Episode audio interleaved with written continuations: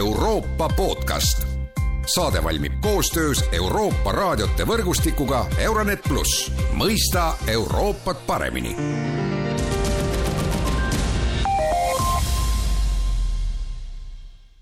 tere jälle kuulama Euroopa podcasti. Euroopa Parlamendis käivad vaidlused selle üle, mida hakata peale Ungariga, kes jätkuvalt blokeerib Euroopa Liidu abi Ukrainale. Olukorda Ungari osas on kommenteerimas Euroopa Parlamendi saadik Urmas Paet, tere päevast! tervist! ja mina olen Erkki Vahovski. no täna neljapäeval just äh, lõppes äh, Euroopa Parlamendi hääletus Ungari osas ja ja võeti vastu resolutsioon mis on Ungari osas väga kriitiline. Urmas Paet, kas tuli sisse ka see kurikuulus seitsmes paragrahv, mis siis tähendab äh, Ungari äh, hääleõigusest ilmajätmist? jah, see vastu võetud resolutsioon sisaldab ka seda ettepanekut, et äh, Ungari siis hääleõigus peatada niikaua, kuni Ungari ei ole viinud siis kõiki oma Äh, riigisiseseid otsuseid äh, kooskõlla äh, siis Euroopa Liidu õigusruumiga, lähtudes ka nendest kohustustest, mille Ungari võttis siis, kui ta Euroopa Liiduga liitus, nii et, et jah, see on seal sees no tegelikult ju see algatus sellest resolutsiooniks tuligi ju nii-öelda sinu fraktsioonilt, Renew fraktsioonilt ja ja, ja noh, ma küsin seda, et et äh, kuidas see mõte sündis, mida selle resolutsiooniga loodetakse saavutada ja, ja mis oleksid siis järgmised sammud? Noh, eks see ettepanek kooruski selle olukorra pealt, mis on praeguseks ju kestnud äh, päris kaua, äh, kus Euroopa Liidul, sealhulgas Euroopa Komisjonil ja ka Euroopa Nõukogu paljudel teistel liikmetel on Ungari riigisisese mitmete otsustega suuri probleeme, sest need hälbivad äh, sellest vabaduste ruumist, mis Euroopa Liidus siis peaks olema kõigile tagatud ja millega iga riik on ühinemisel endale kohustuseks võtnud. et juba siin eelmisel aastal esmakordselt äh, rahvusvahelise indekseerimise järgi Ungari siis esimese Euroopa Liidu riigina ei olnud enam vabade riikide hulgas, vaid liigitati poolvabade riikide hulka, mis äh, on selles mõttes tõsine ikkagi ohumärk ka, ka laiemalt. nii et eesmärk noh, ongi survestada siis Ungari mm, praegust valitsust, kellel on ju absoluutse enamuse toetus ka Ungari parlamendis, ikkagi korrektiive oma senises poliitikas tegema ja, ja viima siis nii see õigusloome kui ka äh, praktikat kooskõlla äh, siis Euroopa Liidu üldiste normidega, millega noh, ma veel kord rõhutan, mis on oluline, Ungari ise on võtnud endale liitumisel ju ka, ka kohustuseks. nii et, et see puudutab jah, seda õigusriigi probleemistikku, et osad küll üritavad äh, siia otsa pookida ka siis Ungari käitumise äh, näiteks Ukraina toetamise teemalistel ja Venemaa survestamise teemalistel hääletustel, aga noh, seitsmenda artikli ja sellest tulenevate piirangute alla, noh, see teema ei käi, et see on tegelikult veel nii-öelda omaette selline poliitiline probleemistik, mis ei ole otseselt seotud äh, õigusriigi temaatikaga.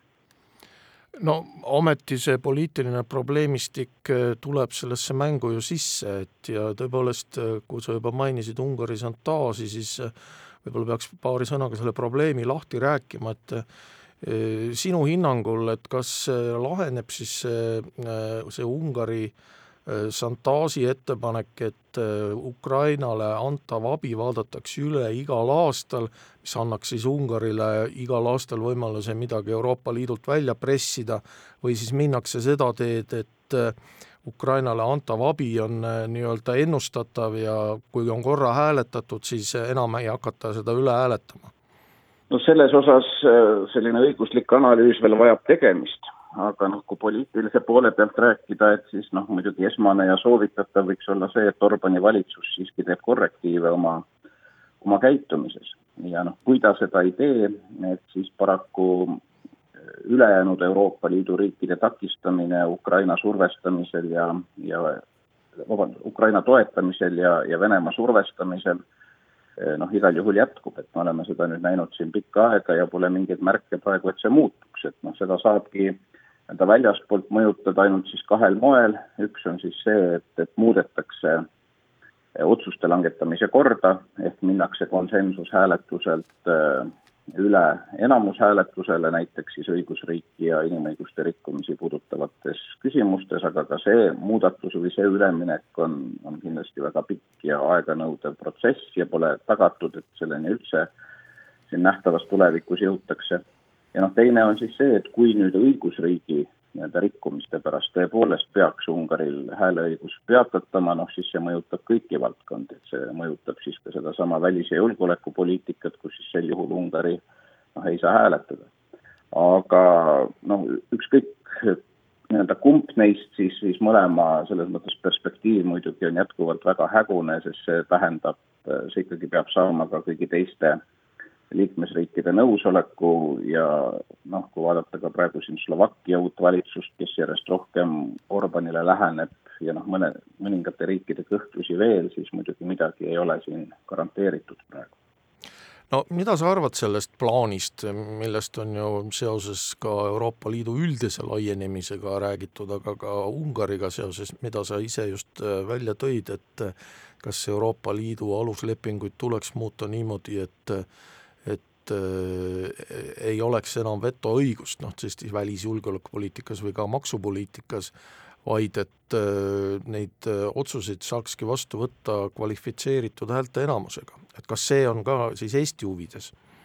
minu seisukoht on olnud, et, äh, et seda tänast olukorda võiks ja peaks muutma ühes aspektis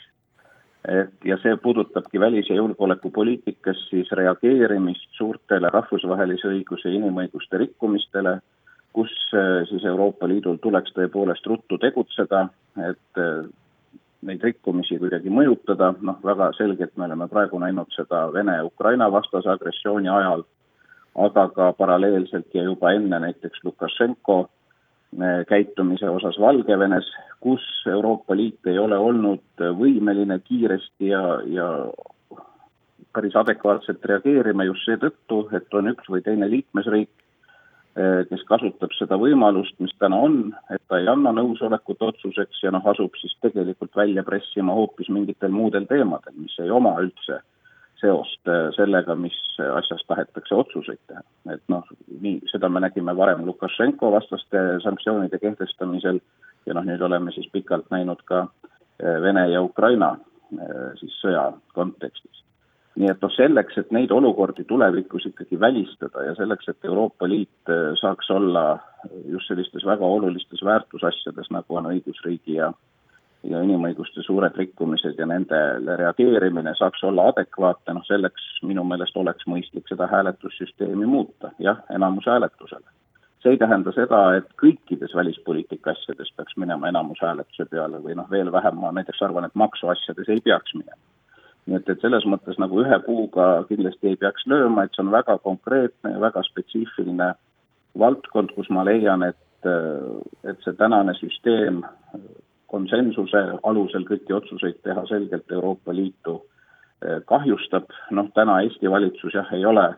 selle ettepanekuga veel kaasa tulnud, aga noh, ma väga loodan, et, et mingil hetkel saadakse aru, et see tänane olukord tegelikult kahjustab ka Eestit, arvestades meie geopoliitilist olukorda ja seda, et meie huvides peaks olema see, et Euroopa Liit on väga jõuliselt ja kiiresti võimeline reageerima nendele suurtele rahvusvahelise õiguse inimõiguste rikkumistele no praegu, nagu sa isegi ütlesid, Ungari osas on see olukord suhteliselt segane,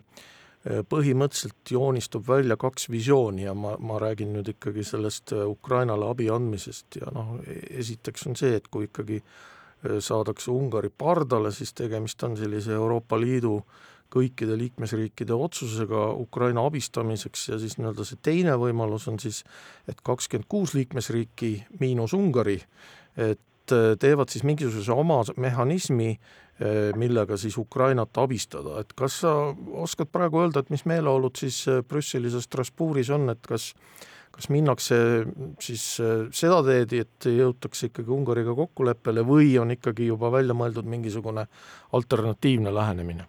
noh, ikkagi see peamine või, või esmane eesmärk on see, et ikkagi teha asju nii, nagu